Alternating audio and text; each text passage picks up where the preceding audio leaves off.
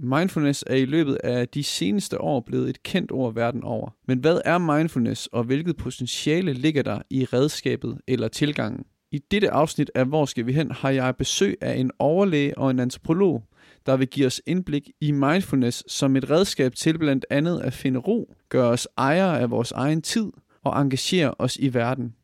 Vi bliver klogere på forskningen inden for mindfulness, og hvordan mindfulness kan bruges i den konkurrence- og præstationskultur, vi er blevet en del af. Velkommen til Hvor skal vi hen? Mit navn er Thijs Jaffi.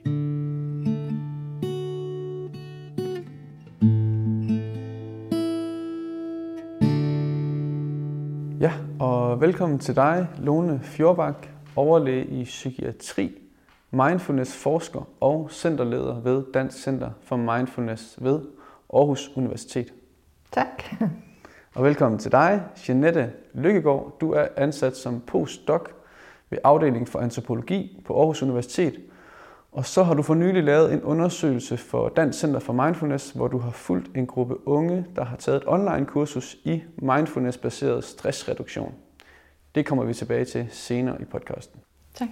Som det indledende, så vil jeg gerne spørge jer om, hvornår I første gang stiftede bekendtskab med mindfulness, eller første gang I tænkte, wow, det her, det kan noget vigtigt for mig eller for andre. Jamen, jeg var heldig, der var helt ung, øh, 20 år, så øh, kom jeg i kontakt med yoga, og det var sådan bare med det samme, så kunne jeg mærke, at det var godt for mig. Og så lavede jeg det, og så øh, begyndte jeg at meditere, og så fik jeg en meditationslærer. Og, og så da han sagde, sådan, at det er tanker bare er tanker, så var jeg sådan helt, wow. Altså tænk, at jeg ikke behøver at forholde mig til alt det, jeg, uh, der kører i hovedet. At jeg bare kan lade det basere, uden at det er noget, at jeg behøver at blive trist over eller forvirret over. Og så tænkte jeg, det, var der, altså, det vil jeg bare gerne lære mere om. Øh, og det, så tog jeg på tre måneders retreat for at fordybe mig i det. Og så øh, øh, har jeg så senere øh, Øh, i mit arbejde øh, gerne ville forske i, hvordan man brugte yoga og meditation i behandling. Øh, og så øh, kom jeg i kontakt med John Kabat-Zinn, som har startet Center for Mindfulness i år, og, øh, eller Center for Mindfulness i USA, og så grundlagt øh, øh, det program, der hedder Mindfulness-baseret stressreduktion. Og det, det var sådan lige så stor en øjenåbner for mig. Det var lige så øh, inspirerende det at virkelig arbejde med relation og arbejde med at være i en gruppe og arbejde med at åbne hjertet og engagere sig i verden for at gøre øh, de ting, som man gerne vil, og sådan øh, og gøre noget godt for andre mennesker. Ja, tak for det. Og øh, Jeanette?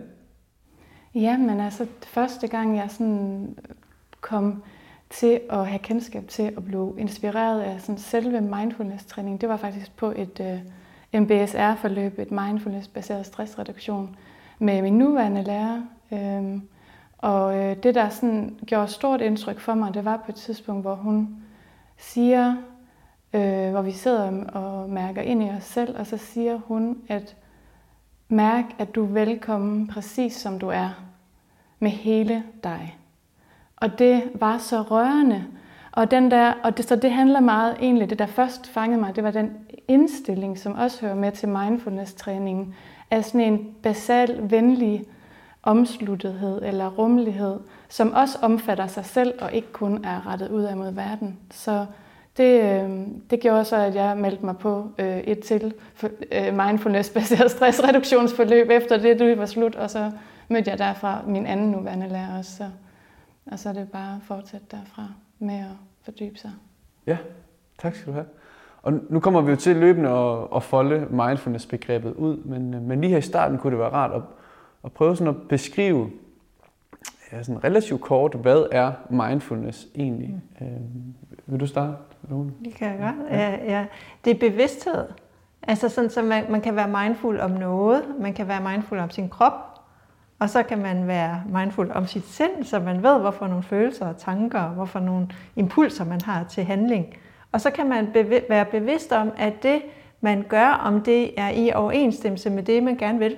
Altså, om man sådan, altså lige nu er det noget, der får mig i en god retning, eller noget, der får mig i en dårlig retning. Så det er sådan, altså det er både sådan øh, et redskab til at finde ro i kroppen, og til at blive klar i sindet, og også sådan få styrke til at gå ud og gøre det, som du sådan virkelig synes er vigtigt. Og så er det et øh, redskab til at have sådan en psykologisk sikkerhed, sådan så man føler, at man er tryg i en gruppe. Og der er rigtig meget i vores kultur, der er præget af konkurrence, så vi er i konkurrence med os selv og med vores familie og med vores kollegaer og vores venner. Og, altså sådan så, øh, og, øh, øh, øh, jeg ved ikke, om det er fordi, at vi har så mange muligheder, så vi hele tiden er sådan, om jeg kunne være tusind andre steder, så der er hele tiden konkurrence opmærksomheden. Men så det, det, det er noget andet, det er at træde ind i at være der, hvor man er. Øh, og så være sådan ligesom have sådan en følelse af, at man er en del af det hele, frem til for at være sådan en, der bare betragter udefra. Hvordan gør man det så? Ja, der, der er jo nogle praktiske ting til det, så man kan træne det i, at man kan træne det at være bevidst om sin krop, og det, det kan man gøre ved at mærke kroppen del for del, og ved at, øh, øh, altså, altså man har jo både sådan en fysisk krop, og man har en følelsesmæssig krop, og man har en, altså der er også tid i kroppen, og tiden er meget med åndedrættet. Øh, den løber jo hele tiden. og det, det, det er så, så at være øh, til stede her nu, og, og så vide, hvad det er, og vide, hvad, hvad, altså både være bevidst om, hvor man er henne, og hvor man er på vej hen.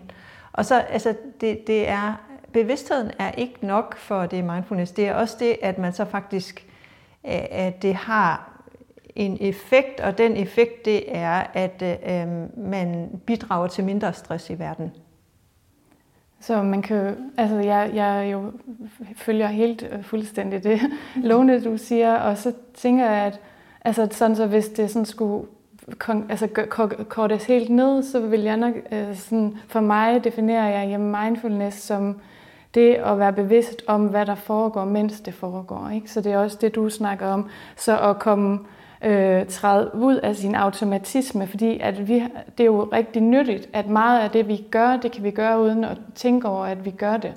Øh, men det gør også, at vi ikke nødvendigvis opdager, hvad vi for eksempel tænker på, og det, at mindf- det mindfulness-træningen kan gøre, kan gøre os bevidst om både, hvad vi tænker over, mens vi tænker det, og dermed kan vi også netop tage de valg om at handle på andre måder, hvis vi opdager jamen både, at de tanker, jeg har nu, de er ikke øh, konstruktive, og dem er jeg faktisk ikke enig i. Eller del af mig er ikke enig i dem, fordi vi, der er så meget, der foregår ind i os, som vi ikke er bevidste om, og tanker har rigtig meget effekt på, hvordan vi har det.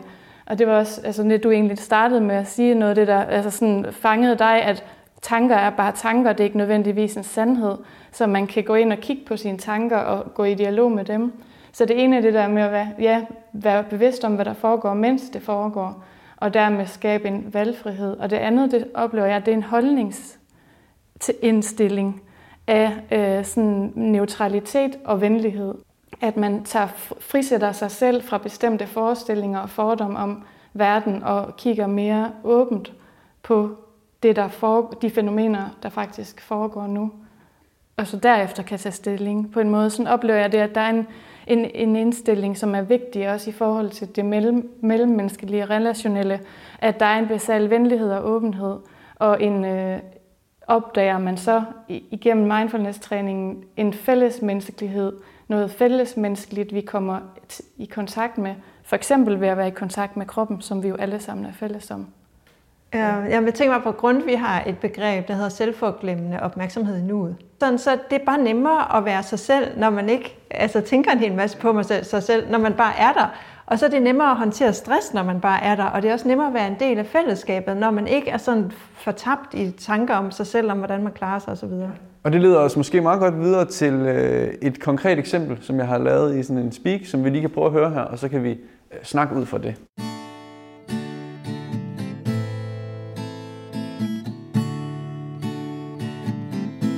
For et par år tilbage lærte min gamle kollega mig et par akkorder. Fedt mand, jeg kan spille guitar. I en alder af 30 år gik det op for mig, at jeg godt kunne spille nogle akkorder. Jeg lyttede til strengenes lyd og begyndte samtidig at synge til og endda skrive mine egne sange. Måske, når jeg var alene med min guitar, var jeg mindful.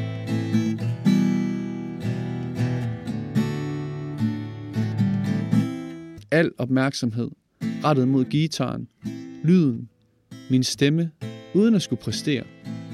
Blot være og spille og synge.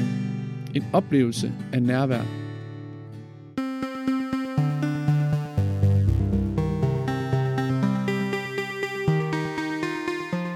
Senere begyndte jeg at købe synthesizer og sequences.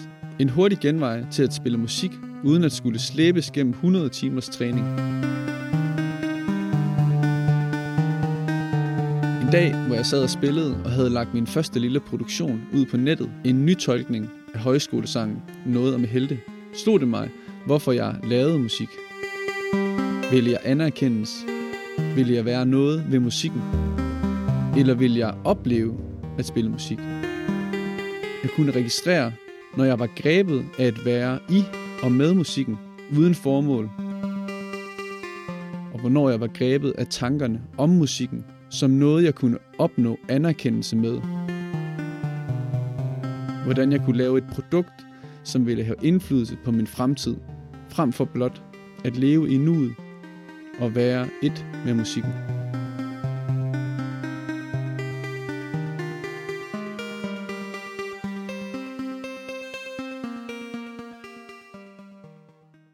Kunne det her være en måde at øh, snakke om mindfulness ud fra, at ja, når jeg er optaget af, hvad jeg kan bruge musikken til, eller hvad andre tænker om den, så er jeg ikke så mindful, men når jeg så er i, i oplevelsen af det at spille musik, så er jeg mindful. Ja, jeg, jeg ved mærke, at, at, at det stykke, du øh, øh, havde, det var noget om helte. Og jeg tænker, at vi alle sammen gerne vil være helte, og det er der ikke noget galt i. Og så når vi så altså, lægger noget ud, som du gør, gjorde, ikke, så bliver man jo sådan sårbar, kan vide, uh, uh, uh, uh. altså, øh, er, er det nu godt nok, og jeg er god nok, gør jeg nu det uh, noget? Og, og altså, begge dele kan være mindful.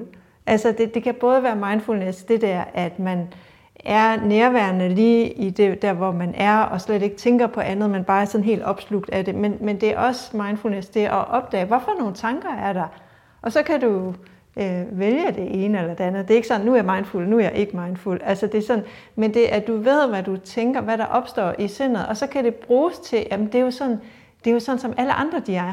Og vi har alle sammen brug for at blive set og blive hørt og komme frem med præcis det talent, vi nu har, eller den gave, vi kan give til verden. Og det er lige så fint mindfulness, som, og, og også det der, vi er også sårbare. Og det er også en måde, hvor vi kan forbinde os til alle andre mennesker med, at ja, at vi kan have en tendens til at gemme os enten mod et eller andet, som vi tror, det er det, folk gerne vil se, eller det som er den måde, vi tror, vi kan blive set på, men i stedet for bare at være. Mm. Ja. Så det er også en anerkendelse af de lidt mere øh, uvelkomne tanker, kan man sige. De er der jo, ja, ja og det, det er jo ikke, altså, det, det, altså du går og spekulerer på, hvordan bliver du helten i dit liv, ligesom alle mulige andre går og spekulerer på, og det er jo ikke noget galt i. Ja, og, og, og så er det jo dejligt at spille musik, Altså det er hvad er det? Altså, men, men tankerne kan nemt gøre det til et problem. Mm. Så, det, så der, når det, når det skrider over i ikke at være mindful længere, det er, når man ikke ved af, at man har de tanker, og pludselig lader sig styre ved for eksempel ikke at dele det musik, man måske har lyst til, fordi at man har nogle tanker, man ikke engang er opmærksom på måske. Og så begynder det at blive automatiseret og gå ind i nogle bestemte mønstre, man har. Ikke? Og så er man lige pludselig ikke længere mindful. Så, når man, så længe man bare ved af, hvad man tænker, så er det jo netop en del af mindfulness-træningen, det er at blive opmærksom på, hvad der egentlig foregår. Ikke? Men kan man så blive for mindful? Fordi er det ikke også lidt trættende og udmattende, og hele tiden være opmærksom på sine tanker? Der er masser af ting, man bare kan lade passere, men, men der, altså, ord øh, har en betydning. Og, og det, det, øh, tanker har også en betydning. Så det er faktisk helt vildt vigtigt at holde øje med, fordi at tankerne kører øh, tit en ned, uden man ved det. Og, og der, der, det kan mindfulness bruges til at, at, øh, at få mere selvtillid, fordi at, øh, jamen så det du, altså hvis du bare ser tanken, så kan du have sådan en, på en måde, og sådan en lidt humoristisk eller venlig øh, distance til det. I stedet for, at, at det, uden at du ved det, bare påvirker dig, bliver til spændinger og stress og øh, øh, frygt for andre mennesker, øh, øh, øh frygt for dig selv. Øh, øh, alt, øh, øh, vi kan nemt blive bange for vores følelser, altså bange for, hvis øh, vi mærker aggression, eller misundelse, eller øh, tristhed. Eller, øh, og det, det, det er jo det, som virkelig mange mennesker... Øh, jeg bliver fanget af. Altså, så der er jo ikke nogen, der tænker, om i morgen vil jeg have øh, stress, angst eller depression, men, men altså en fjerdedel af alle mennesker vil på et tidspunkt få en depression. Og, og det kommer ikke bare lige sådan en dag. Der, der har man altså haft nogle dårlige mønstre igennem lang tid. Mm. Og hvor man har t- altså tænkt, ja, jamen jeg, jeg er ikke berettiget til at være her. Jeg, der, der er ikke nogen grund til, at jeg er her. Der er ikke noget, jeg kan alligevel ikke noget. Øh, man bliver drænet fra energi. Mm. Øh, øh, man har ikke lyst til noget. Man har ikke øh, øh, altså, mod på at træde frem. Det er interessant det der med at, at grine af sine tanker. Øh, synes jeg. jeg har selv prøvet det på sådan mindre retræter, jeg har været på, hvor, hvor jeg tog mig selv i måske et par gange om dagen og grine af mig selv. Hvad sker der? Øh, så måske handler det også om ikke at...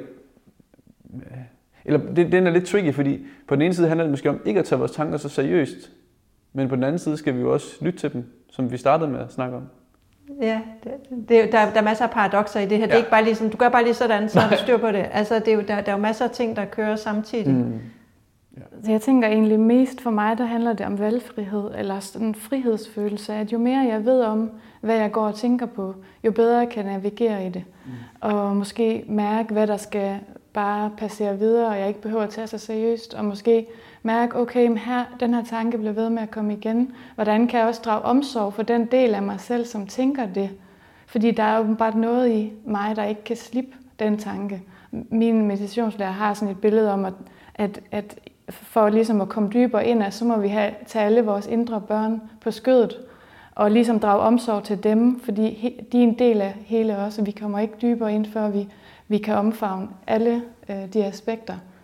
Mm. Øhm, så, og så det der med også, om det bliver for, for anstrengende, som du spurgte om, jamen, der er ingen af os, der kan være bevidst om vores tanker hele tiden, for vi har alle mulige gøremål igennem dagen. Men det at en gang imellem, i løbet af dagen, tage sådan nogle punkt, øh, praksiser ind og lige sådan mærke, hvad, hvad kø, er der noget, der kører afsted med mig nu? Det tror jeg, at de fleste vil opleve som en lettelse frem for en anstrengelse, sådan hvis det kommer ind som en ny vane. Ja. Og så man kan også tænke på tanker, ligesom hvis, nu, øh, hvis man har ondt et sted i kroppen, så er det jo også fordi kroppen altså, fortæller en noget, hey, der, du skal lige øh, øh, lægge mærke til det der, og på det område, eller gør et eller andet. Og, og, og der, øh, øh, øh, så det er noget, kroppen egentlig hjælper en på, og sådan, hey, der, der er noget her, der du er nødt til at forholde dig til. Så hvis nogle bestemte tanker kommer op, så kan det være ligesom sindet, der hjælper en til at finde ud af, hvad, hvad, der, der er et eller andet, der er vigtigt her. Mm. Så hvis der er noget, du bliver ved med at tænke over, for eksempel hvis du bliver ved med at være misundelig på en, så det kan være et, et noget med, at der er noget i dig selv, du ikke har opdaget. Du har ikke set din egen øh, skønhed, eller hvad hedder det, din egen øh, øh, elskelighed, mm. eller din egen, din, der, der er noget i dig selv, du ikke har fået øje på. Det man lærer sig selv bedre at kende. Ja, det, det er en måde at lære sig selv bedre at kende, og, der, der, og det kan også være, hvis det er nogle bestemte konflikter, du hele tiden render ind i. Så, det, så det, det kan være noget, hvor at der, der er noget, du skal lære noget om her, mm. som sindet egentlig forsøger at fortælle en. Mm. Men, men det, der er problemet til, det er, at vi lever så hurtigt, og vi gerne vil have et quick fix lige nu, så man tænker sådan, Nå, men, øh, jeg har gjort det, eller jeg har gjort det, men det virker ikke. Men det, det er fordi, vi vil ikke have alt det ubehag, der er forbundet med det at øh, være menneske. At der, altså, der, der er masser af dårlige tanker, der er også masser af øh, hvad hedder det, ubehagelige følelser, men det er på en måde også det, der giver livet øh, værdi. Øh. Det er måske en meget god mulighed for at gå videre til, øh, til den næste speak, som handler om, hvor vi befinder os lige nu i samfundet, i forhold til, at, at tingene går ret hurtigt, og der er mange ting at forholde sig til. Så vi øh, tager lige turen op i øh, helikopteren og ser på, hvad det er for nogle... Øh, hvad det er, der karakteriserer vores samfund, øhm, og så relaterer vi så øh, mindfulness til dette bagefter. Med inspiration i Anders Dræbys bog Livskunsten, filosofien om at vågne op til livet, kan man lidt provokerende sige, at mange af os i Danmark anno 2021 lever en søvngænger tilstand. Vi er blevet fanget i en primitiv stræben efter behovstilfredsstillelse og anerkendelse. Konstant forsøger vi at dække vores behov med Netflix, Tinder, mad, noget at gå op i og noget at blive anerkendt for. Den tyske sociolog Hermut Rosa skriver i hans bog Fremmedgørelse og acceleration om den teknologiske acceleration og accelerationen af social forandring og af livets tempo. Tempoet i transport, kommunikations- og produktionsprocesser er øget markant gennem moderniseringen. Det tager langt kortere tid at sende en mail end at skrive et brev, at flyve eller køre bil frem for at gå eller køre med hestevogn, at vaske tøj i en maskine, frem for at gøre det i hånden, osv. Dette betyder dog ikke, at vi bruger mindre tid på at kommunikere og flytte os. Tværtimod, vi kommunikerer langt mere, producerer langt mere og flytter os langt mere, end vi mennesker nogensinde har gjort. Mennesket kan altså foretage sig en lang række aktiviteter på kortere tid end før. Og så er der accelerationen i de sociale forandringer og livets tempo.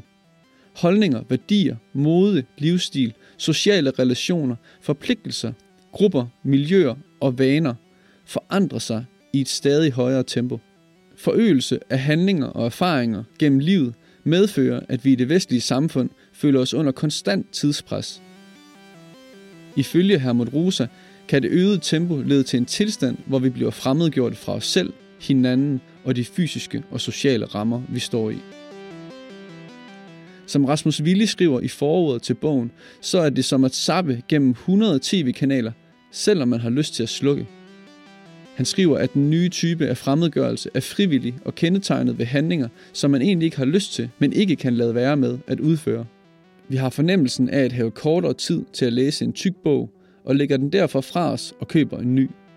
Vi vil gerne have tid til at lave ordentlig mad sammen med familien, men kan ikke finde tiden og køber i stedet et nyt køkken.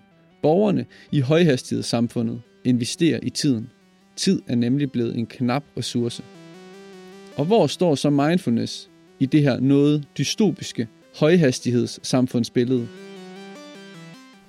Ja, og nu er det jo noget ensidigt billede, jeg maler op, øh, og det er selvfølgelig langt fra hele historien om det samfund, vi lever i nu. Alligevel er der nok noget om snakken. Jeg vil spørge jer, er der far for, at mindfulness ligesom er råd ind i det her accelerationsmaskineri øh, og blevet sådan et redskab i den her effektiviseringsproces? Øh, altså at man gennem mindfulness kan finde en, en form for ro, øh, så man kan præstere. Det tror jeg, der er en far for. Altså, det, jeg tror at vi alle sammen er påvirket af det der. Og, og det, altså, altså, jeg tager da tit mig selv i, at jeg skal tænke over ikke at skynde mig. Og at jeg skal øh, tænke over og være bevidst om at leve i tiden. I stedet for at være på vej et andet sted hen. Altså, det er en misforståelse, at vi alle sammen skal skynde os. Mm. Altså det, det, vi skynder os med, det er bare altså endestationen, som er, at vi dør. Altså det, altså det, det er jo ikke, man skal jo ikke skynde sig at opdrage sine børn, eller skynde sig at, eller skynde sig at komme igennem et ægteskab, eller skynde sig at gå en tur. Eller, altså det, det, er jo en, det er jo en misforstået måde at leve på, og den, man behøver ikke at leve på den måde. Jeg, jeg oplever at i mindfulness, at det er sådan som, at nogle gange som om tiden står stille, altså når man bare er der.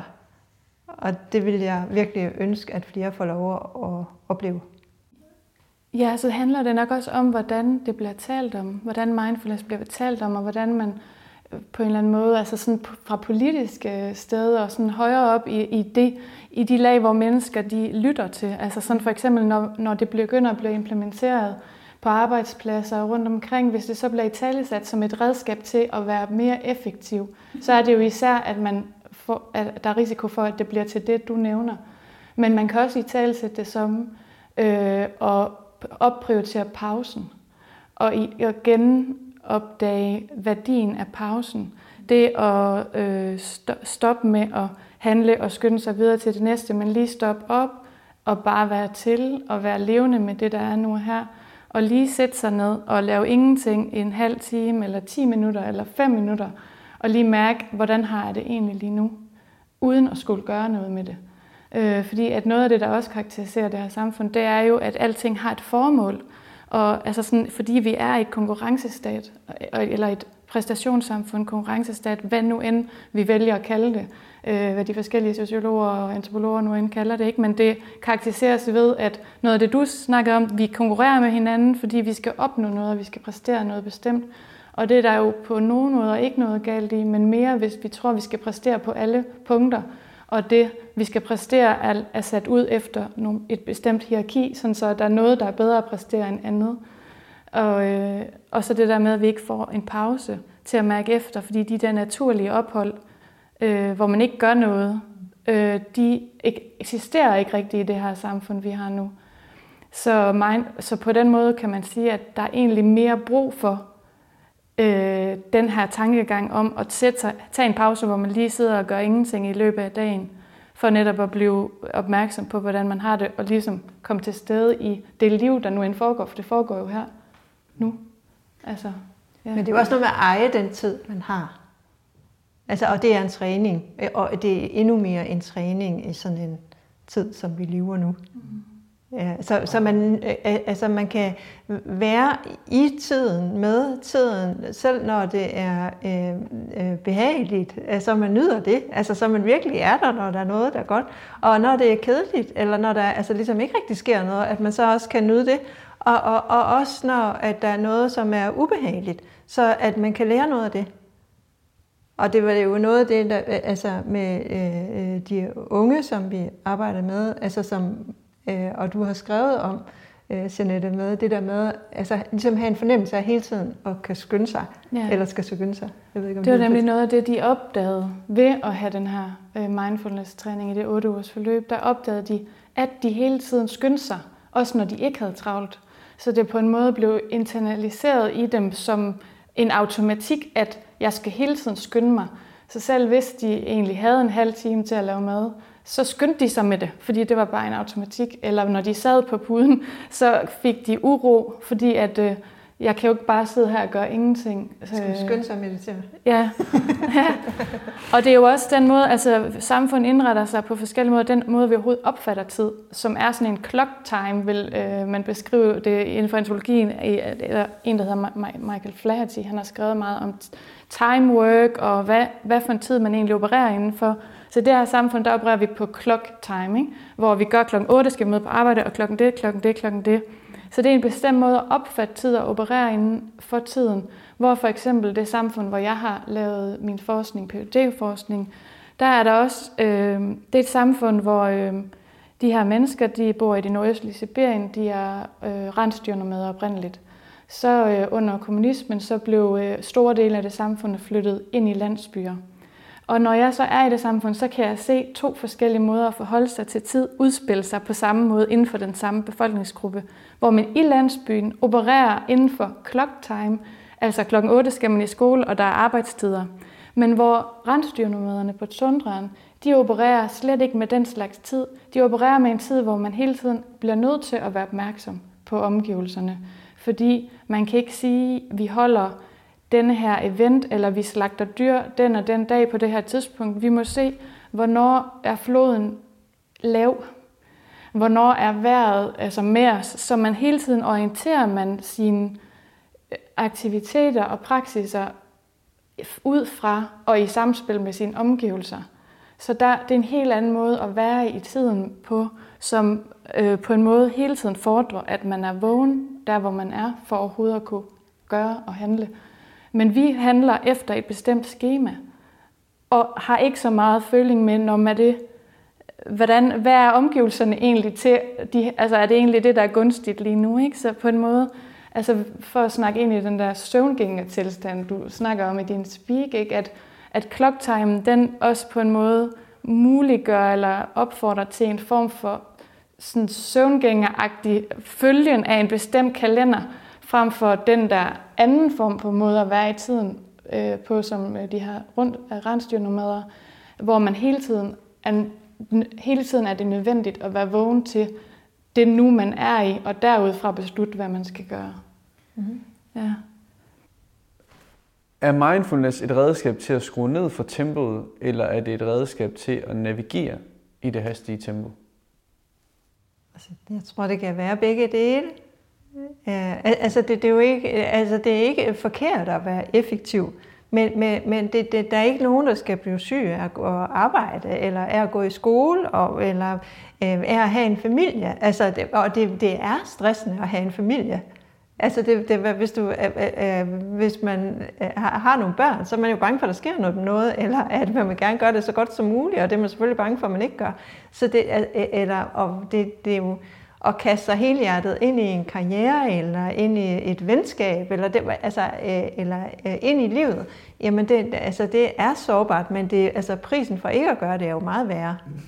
Det er jo at gå rundt og, og med hovedet under armen, eller øh, sove det væk, eller... Øh, Og det, det, er jo, øh, altså, det, det er jo virkelig ærgerligt. Så man kan sige, altså i hvert fald for mig, så føler jeg, at den her træning, den gør, at jeg har mig selv med i det liv, jeg lever. Sådan så at det, man kan godt sige, om det handler om at sænke tempoet et øjeblik i det tidspunkt, hvor man sidder på puden, men mindfulness-træningen foregår også hele dagen igennem, hvor man ikke sidder på puden. Mm. Og det handler om at lige mærke, øhm, hvordan har, hvor er jeg egentlig henne? Fordi at det også handler om det relationelle, og hvad man gør i verden. Jamen, jeg kan kun øh, være i relation med omverdenen, hvis jeg er, overhovedet er i relation med mig selv. Og jeg kan bedre vælge, hvor meget vil jeg have effektivitet ind i mit liv, hvor, hvor hurtigt vil jeg, altså hvor mange ting vil jeg gerne vælge, at jeg skulle, skal kunne nå på en dag. Det kan jeg kun vide, hvis jeg er i kontakt med mig selv. Så, så på den måde, så synes jeg, at der, langsomheden skal ind på en måde i forhold til at overhovedet kunne nå at opdage det. Og så, hvor, hvor effektiv man ellers vil være resten af dagen, det kan man så vælge frit, fordi man har mærket efter, hvad ønsker jeg at gøre med det her dyrebare liv, som jeg har lige nu. Ja. Det giver god mening.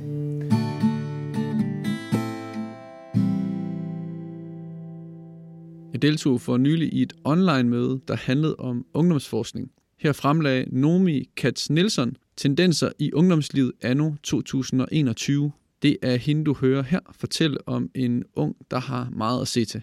Altså det, hun fortæller om, det er, at hun både har sin dans, og hun har en YouTube-kanal, og alle sine venner, og sin skole. Og det er jo i virkeligheden, så er det jo ikke, fordi hun oplever, at nogle af de her ting er dårlige, mm. eller at de ikke fungerer. Det er simpelthen det er volumen af det, det er mængden af det, og, øh, og det er mængden også af gode ting. Og jeg tror, det er det, som, som på en eller anden måde fangede mig. Øh, det var, at det vi ser, det er altså også Øh, og det er jo slet ikke det eneste, der er i, i, i den udsathed, vi ser i dag. Men, men der er også et element af, at der simpelthen bliver for mange ting, også selvom de er super gode. Og så sker der det der crash. Klippet stammer fra en podcast, som Center for Ungdomsforskning har lavet om samme emne, tendenser i ungdomslivet. Nomi peger blandt andet på, at de unge lever i en instrumentel og præstationsorienteret perfektionskultur. Der er sket en forventningseksplosion alt skal være godt, og retorikken er blevet, at der er vinder, og så er der tabere. Dette skaber et strukturelt bundniveau, der kan ende i en mental overbelastning.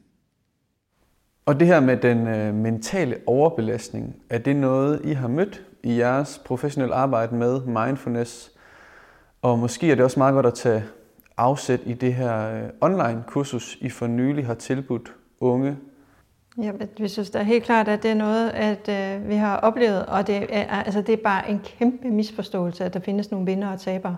At, at det, det er meget den der heltehistorie, vi fortæller, hvor en person øh, kan, kan alt. Altså, vi er jo helt almindelige mennesker, øh, øh, som laver alle mulige dumme ting, øh, og det gør vi kollektivt. Så det der at lægge den der byrde ovenpå et ung menneske og sige, at du skal gøre det hele rigtigt, det er imod, hvad alle andre i historien nogensinde har gjort kommer til at tænke på øh, en, øh, et arrangement, I har lavet, øh, Lone, med Tuptin Jinpa mm. om øh, compassion. Og noget af det, der rørte mig i det, han fortalte om, det var, at i vores kultur opdagede han, da han skulle over og, lave forskning, hvordan kunne vi lave det her øh, compassion, øh, 8 ugers compassion-program. Og noget af det, han opdagede, det var, at mennesker i den her del af verden har utrolig lidt selvmedfølelse. Mm. Og øh, noget af det, vi opdagede, på, eller jeg har i hvert fald oplevet med de mennesker på, de unge mennesker på det her online MBSR-program, det var, hvor selvkritiske de er. Altså de, og, og det er noget af det, de oplevede, at de kunne tage fri fra. Øhm, men kontinuerligt skal navigere og forhandle med den indre kritiker, som bare fortæller, at alt, hvad de gør, det skal være perfekt på alle parametre, og perfekt i forhold til et sam, et hierarki, som samfundet har sat op i forhold til en bestemt værdisætning. Der er nogle ting, der er bedre at være god til end andre. Og, og det er jo det, som er fuldstændig grundlæggende forkert i vores samfund. Men, men det er interessant at undersøge nærmere, hvad, er det, der gør, at vi har den her individualistiske kultur, som på en måde afgrænser os i vores øh, opfattelse af, hvem vi er. Vi tror, vi er noget andet end de andre. Og det gør, at vi kan få den der fornemmelse, øh, følelse af, at vi skal være perfekte, eller vi kan være heldige. Vi er ikke almindelige. Men hvor at mindfulness-træningen jo hele tiden vender tilbage til alt det, der er fælles menneskeligt. Og, og især det her MBSR-program, det er så forankret i kroppen. Og det er noget af det, vi alle sammen er fuldstændig fælles om. Og det er nemt at genkende sig selv i andre. Og så dermed bliver det måske muligt at, at inkorporere den her øhm, mere venlige tilgang til sig selv også, og øh, også derfra, derudfra også til andre. Fordi når vi først har den her rummelighed over for os selv, så bliver det også lettere at udvide den til at være det over for andre. Og så er det, at måske ændrer det relationelle sig også, og vores måde at relatere til omverdenen, og vores måde at se øh, uretfærdigheder på. Men i hvert fald noget af det, de unge de øh, meget rørende øh, fortalte om, det var bare det at kunne være til stede og bevæge sin krop, og nyde, at kroppen kan bevæge sig. Eller nyde, at kroppen kan sanse luft uden for, når man går en tur. Eller nyde, at man bare overhovedet kan trække vejret. Fordi at hele deres øh, forhold til deres egen krop, det er, at den skal være på en bestemt måde, og den skal kunne præstere nogle bestemte ting for at være en god krop. Og det synes jeg bare er virkelig sådan berørende at høre, at det står så skidt til på en måde. Altså det er så hårdt at leve i det, at ens krop hele tiden også er forkert. Altså sådan den, som øh, ligesom er udgangspunkt for, at vi overhovedet kan mærke, at vi lever, og at vi overhovedet kan leve. Og det, altså, det er jo et udtryk for, og det er jo en måde at sige på, jeg er bange for, at jeg ikke er god nok, så derfor skal jeg være perfekt. Mm. Og, og, og vi undrer os jo som samfund over, at de er bange for ikke at være god nok. Vi siger jo, åh, du skal bare være dig selv, og du er helt fantastisk. Men forældrene er jo også lige så bange. Og øhm, altså, mange sidder jo for en computer hele dagen. Og rigtig mange unge mennesker, de ser utrolig mange reklamer, uden de overhovedet er bevidste om det. Og hovedbudskabet der, det er, du er ikke god nok. Du skal gøre noget andet for at være perfekt. Og man skifter, samtidig så skifter man også reglerne hele tiden. Så, så, så kan det være, at du skal være øh, tynd, så er det forkert, du er tynd. Så kan det være, at du skal have 12, så er det forkert at få 12. Så kan det være, at du skal det, så skal du det noget andet. Og, og det, hvis man gør det samme ved dyr, så får de sådan en tillært hjælpeløshed. De opgiver simpelthen bare at spille med, fordi når man ændrer reglerne for hele tiden, hvad det er, det går ud på, for at man får en belønning, øh, jamen så, så det er ikke fordi, de ikke øh, kan finde ud af det, de opgiver bare. Og, og det, jeg tror, at, at, at vi får, altså bare det med at have fri reklame, og, og, og øh, øh, altså hele tiden, så er der den der underliggende øh, besked om, at de ikke er gode nok. Det er trængt fuldstændig ind, så det, de alle sammen, de, de, de, de stiller sig ikke spørgsmålstegn ved det. Det er bare noget, der, altså det, det er ligesom en helt naturlig måde, at selvfølgelig er det ikke det, de skal gemme sig bag et eller andet. Mm.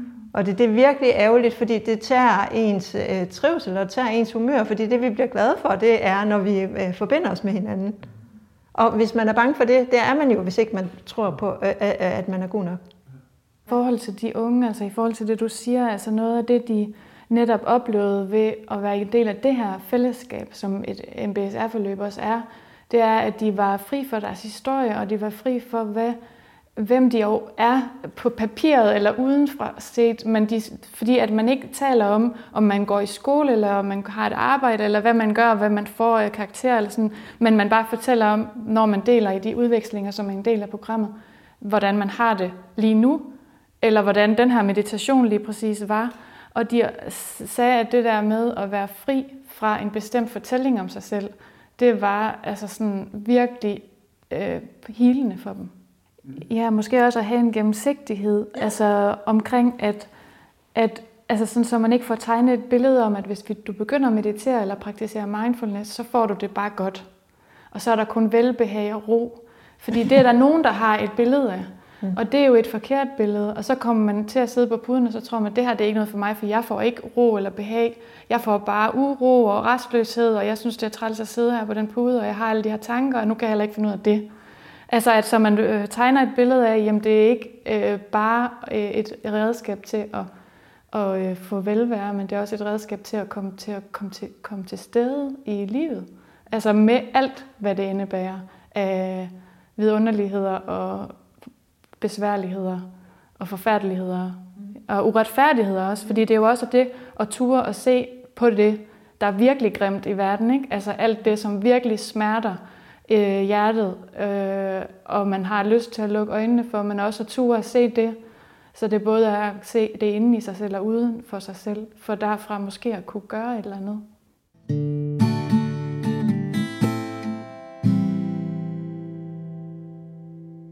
Så mindfulness er at være til stede i livet. Det virker som noget meget universelt. Måske er der masser, der praktiserer mindfulness, som aldrig har hørt om mindfulness.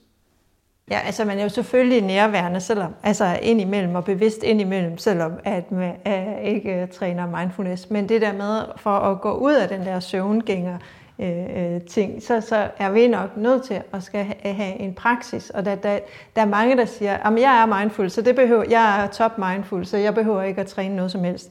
Men sådan ville man aldrig tænke på det, hvis nu at det var fysisk træning. Ah, men jeg trænede, jeg har lavet masser af sport, da jeg var barn, nu er jeg øh, 53 år, det behøver slet ikke mere. Altså, det, det, vi ved godt, at det er faktisk noget, der skal vedligeholdes, og der er noget, så der er et træningsaspekt i det her.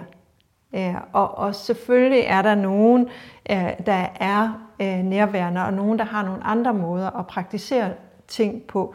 Men det der med virkelig at, at, at, at altså også komme til grænsen en gang imellem. Altså hvis nu, at øh, man aldrig bliver forpustet, så opdager man måske ikke, hvor, hvor dårlig form man er i, for eksempel. Altså, øh, og, og hvis ikke man opdager øh, altså ens øh, frygtsystem og ens stresssystem, ens aggression, ens øh, glæde, altså sådan i, øh, øh, i sådan yderpunkter af, eller i sådan større grader af ens følelsesliv, ja, jamen så har man heller ikke mulighed for at ændre på det.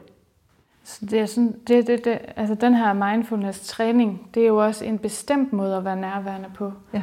Og det er jo en, altså det er jo meget sådan system, en meget systematisk måde at være nærværende på, så hvor der er ligesom nogle måder at træne det at opdage. Så, så det der med at være nærværende, øh, den naturlige, den naturlige sådan evne for at være nærværende, den er måske ikke øh, så fokuseret i forhold til for eksempel at opdage, hvad man tænker på. Mm. Så det er jo også noget med, at vores opmærksomhed er altid rettet mod et eller andet. Og, og den her træning, det er også noget med at opdage, at man kan rette opmærksomheden øh, Øh, bestemte steder hen, og måske rette den steder hen, man ikke er vant til at rette den hen.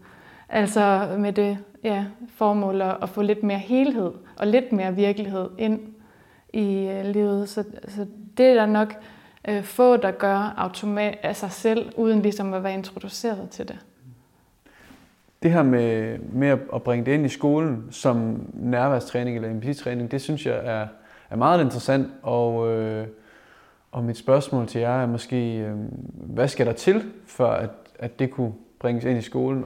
Altså, vi har et stort forskningsprojekt i folkeskolen nu, og det hedder Stressfri Hverdag. Øh, og det er, det er øh, Folketinget, der har været med til at bestemme det. Øh, så det var nogle penge, vi fik nationalt fra til at lave et stort forskningsprojekt, hvor vi laver en efteruddannelse for folkeskolelærer, så de kan undervise i skolen, Øh, så børn de får et redskab til, hvordan øh, de regulerer sig selv, hvordan de får mere selvtillid, hvordan de øh, øh, bliver en del af gruppen, i stedet for at blive bange for hinanden.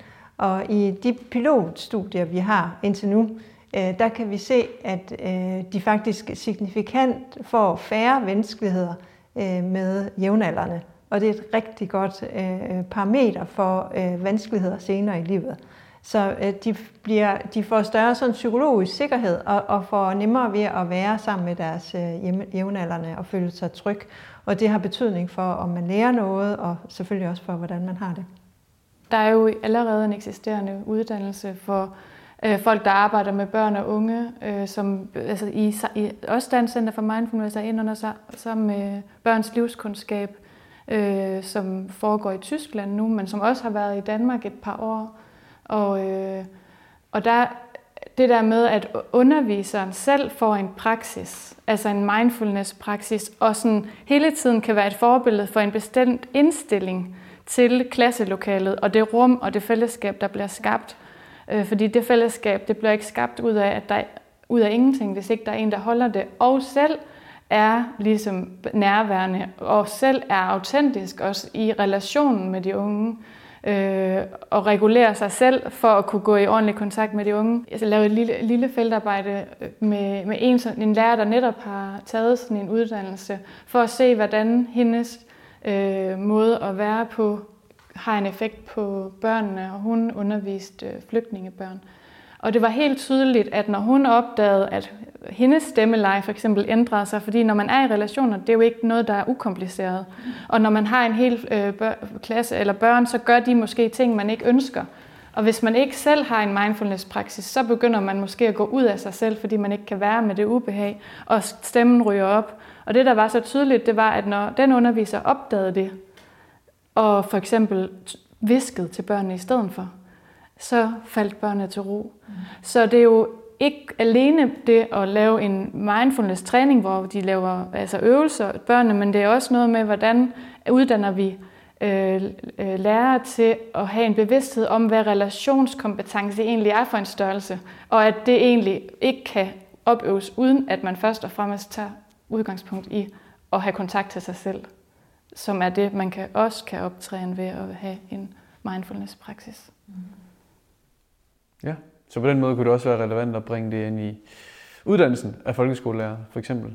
Og, og er det ikke også allerede det? Vi har, øh, vi har også forskningsprojekter på læreruddannelsen, som kører nu.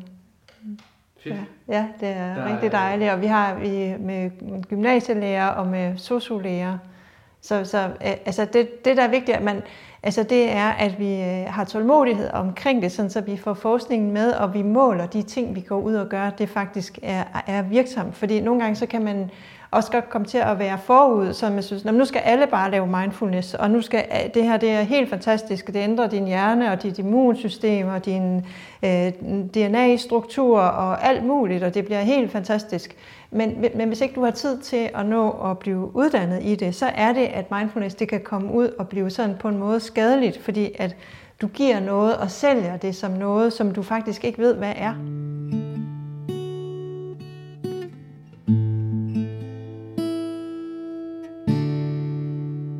I forhold til det her med, hvor vi skal hen med mindfulness, så øh, forstår jeg det som om, at vi befinder os i det, som bliver kaldt for den tredje bølge inden for mindfulness, som handler meget om det relationelle. Vil du fortælle lidt om, om det, Lone?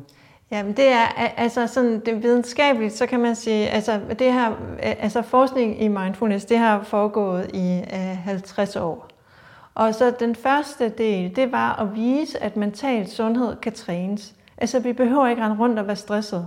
Vi behøver ikke rende rundt og have det dårligt. Vi kan øh, træne mental sundhed øh, med det program, der hedder Mindfulness-baseret stressreduktion. Og det kan man gøre, hvad enten man er rask eller man er syg. Og det kan hjælpe en, så at man får bedre humør, man får større opmærksomhed, man får større empati, øh, og man får større modstandskraft, når man altså møder modgang, som vi alle sammen kommer til at gøre. Så den næste bølge, det var, at man kan faktisk bruge det i øh, behandling. Så, så det her, det er en dokumenteret behandling af depression. Og i andre lande, der hvis man går til lægen, der kan man med en depression, jamen så har man valget med, om man vil have medicin, eller om man vil gå til psykolog, eller om man vil gå til mindfulness. Og, og, og mindfulness-baseret kognitiv terapi. Og det har vi ikke implementeret i Danmark endnu, men det var ligesom anden bølge. Det var at sige, man kan faktisk bruge det her som led i øh, medicinsk behandling. Og, og, og der er noget, hvor det virker lige så godt som medicin. Altså tredje bølge handler om øh, social retfærdighed, om hvordan man engagerer sig i verden. Så, så det er ikke sådan, at man bare skal sidde og så øh, være afslappet og, og bare være, have det fint med sig selv. Men hvordan går man ud og øh, gøre nogle ting i verden? Altså sådan, øh, og det kunne jo være at arbejde med øh, FN's øh, verdensmål, øh, hvor altså, øh, social retfærdighed er skrevet ind, lighed er skrevet ind, Øh, sundhed og trivsel for alle er skrevet ind. Styrk mental sundhed er skrevet ind. Altså vandet, øh, øh, der er jo masser af ting, der er skrevet ind, men det, altså, så, det er sådan, så det ikke bliver sådan noget verdensfjernt, men hvordan man kan bruge det til at engagere sig. Og det, det der med, hvordan man har det godt som enkelt individ, det har betydning for, hvad du gør for andre. Altså, når vi er i stand til at gøre noget, være noget for andre, og, og, så har vi det bare bedre. Og, og vi, når vi ser os selv som en del af jorden, øh, ja, vi, vi spiser jo ting af jorden, øh, og hvis vi udpiner jorden, jamen så udpiner vi også maven, og, og hvis nu, at, så, så bliver der anderledes bakterier i maven, og maven hænger sammen med hjernen, så bliver vi deprimeret. Øh, og, og, og, og det, det kan godt være, at mindfulness det kan hjælpe lidt, men, men det er jo faktisk også vigtigt at gå ud og sørge for, at jorden har det godt, fordi det har betydning for, hvordan jeg har det godt. Ja. Og, og der, altså, så, så det er hele det der engagement i livet, der er vigtigt, og så se, at vi er en del af det hele. Så derfor vi er nødt til at arbejde sådan, så vi passer på jorden, vi passer på luften, vi passer på hinanden. Og der er ligesom to måder at leve på, og det er der også i vores nervesystem. Der er et, hvor man altså, har deler og har omsorg. Og så har man et andet, hvor man holder og kontrollerer. Og, og de to ting, de skal gerne være balanceret. Og nu er det bare på det der, vi holder på det, vi har. Vi er bange for, at nogen kommer og tager det, og vi vil bare kontrollere det hele. Og i det, når, det, det gør, at vi holder og kontrollerer, men det, har altså det, det er bare på, på kostning af vores trivsel. Og det er især de unge mennesker, der, der mærker det. Og det er fordi, de tør ikke, og de, de ser ikke, at man godt kan dele og have omsorg. Ja, og så er det også noget at gøre, tror jeg, med, at verden forandrer sig rigtig hurtigt, som noget af det, du også var inde omkring. Altså, hele tiden ændrer omgivelserne sig. Så man kan tro, at man ved, hvordan man lever, men vi skal faktisk hele tiden undersøge, hvordan lever vi et godt liv. Ja. Og øh, det er noget af det, som... Altså, og det er jo et sådan, grundspørgsmålet, mennesket har stillet sig selv, ikke? også igennem flere tusind år. Og, og, og i min øh, forskning, der var det jo netop, det slog mig, at, øh, at dem, der levede på en måde, de sagde, jamen, de har glemt, hvordan de lever. Alle de her unge, som begår selvmord og drikker sig selv ihjel, og ikke øh, er i kontakt med ligesom, og, og er vågen over for øh, omgivelserne. Og de, deres strategi, det er så at sende øh, de unge ud øh, på tundraen. Dem, der nu har meget store problemer og i risiko for at begå selvmord, ud og leve med nomaderne, og så får de det bedre. Og noget af det, det er ikke så meget egentlig, kommer jeg øh, frem til, at de har glemt, hvordan de lever. Det er mere med, vi ved faktisk, de ved ikke, hvordan de lever livet på en god måde i det samfund, de har nu. Og det samme er det jo egentlig måske også her, at vi skal have en åbenhed, og altså i stedet for at holde fast i bestemte forestillinger mm. også, om hvad et godt liv er. Mm. Altså det er, øh, når vi skal have et stort hus og en bil og alle de her ting, eller, øh, men og, meget af det mindfulness-praksisen gør, det er jo også på en måde at åbne sindet op til, at der er flere mulige sandheder end øh, om sig selv, bare først og fremmest opdage det, ikke? og så kommer der måske derfor en større åbenhed om, sådan at mere generelt behøver vi ikke at holde så godt fast i bestemte forestillinger om det gode liv, men kan mere sådan åbent gå ud og undersøge, jamen hvad er det egentlig i den verden, vi har lige nu, hvad er det så, at der er et godt liv, ikke kun for mig, men altså for mm. alle levende væsener, et eller andet sted, ikke? Ja, og så det, at vi, vi bevæger os over i et samfund nu, at vi tror, at vi er udenfor. Altså det har du også været Vi tror, at vi er noget af, altså som en boble, og ja. så er der nogle andre bobler. Ja. Altså, og sådan er det ikke. Vi er mere sådan nogen her, der er indflettet i hinandens liv, og det har vi i vores kultur ikke særlig meget indsigt i. Hvor det er der mange andre kulturer, der stadigvæk har meget indsigt i. Jeg kan komme med et lille eksempel faktisk på øh, et felt, mit feltarbejde blandt de her rensdyrnomader. Det er for, og vi, går ind, vi er ude og skal have styr på de her rensdyr. Der er kalving, og vi skal sørge for, at der ikke kommer øh, diverse predators og spiser de her øh, kalve. Og øh, vi løber rundt, og vi har ikke tid til at få tepause. Og så tager jeg en ordentlig klump sne og spiser. Og så bliver øh, min, øh, min øh, samarbejdspartner der, min ven, øh, rigtig vred på mig, fordi at øh, nu kan du, har du risiko for at blive syg, siger han til mig. Og jeg er sådan, slap dog af. Altså, det er vel mit eget ansvar, om jeg bliver syg, ikke? Altså, så jeg er, også, jeg er jo en del af den her kultur og tænker i visse øh, sammenhænge mig selv som adskilt, og det er mit ansvar, hvordan jeg har det. Og han er sådan, du forstår ingenting. Mm. Altså, det er alle vores problem, hvis du er syg. Mm. Altså, det kommer til at gå så meget ud over os alle. Så bare som et eksempel på, hvordan at ja, man kan ikke se sig selv som en enhed. Man er en del af et fællesskab, og det er der bare nogle samfundsstrukturer, der tydeliggør for, den, for hver, hver person. Og, øh, og, og jeg tror, at den, når man har den oplevelse, så har man også pudsigt nok mindre tendens til faktisk også at være hård ved sig selv. Mm. Øh, så der er et paradoks der med, at øh, både på den ene side, så siger du der med, at man har tendens til, at man bare gør det gode for sig selv, og måske ikke for andre, fordi man ser sig selv som adskilt. Men noget af det, som øh, forskningen også viser, også det, som Thupten Jinpa han sagde i forhold til det Compassion-program, det er, at man er også meget mere hård over for sig selv. Mm. Mm. Så der er ligesom en dobbelthed, at både at man i nogle samfund, de har bare, der er bare en, øh, en, det er lettere at se forbundetheden, så der er også i det en mindre tendens til ensomhedsfølelser, isolerethed og øh, også selvfordømmelse og fordømmelse generelt, fordi at der se, hvis man ser alting mere øh, sammenvævet og ikke så afgrænset, som vi ser det, så er der heller ikke lige så stor tendens til fordomsfuldhed. Fordi man ser ikke det enkelte individs handling kun som noget, den person alene står for, men som et samspil. Man har en, en, forståelse, en anden forståelse af, hvad en person og et selv er, som er i højere grad er forbundet med både andre mennesker, men også med øh, sit omgivende miljø. Ja, nu kommer vi vidt omkring. Det var, det var fint. Det er rigtig spændende. Og måske lige for sådan hurtigt opsummere, så er det jo, ja, at vi kan jo så bruge mindfulness til at blive mere opmærksom på øh, alle de ting, der sker omkring os, og vores relationer til andre, og vores forbundethed, osv. Og vi er forbundet.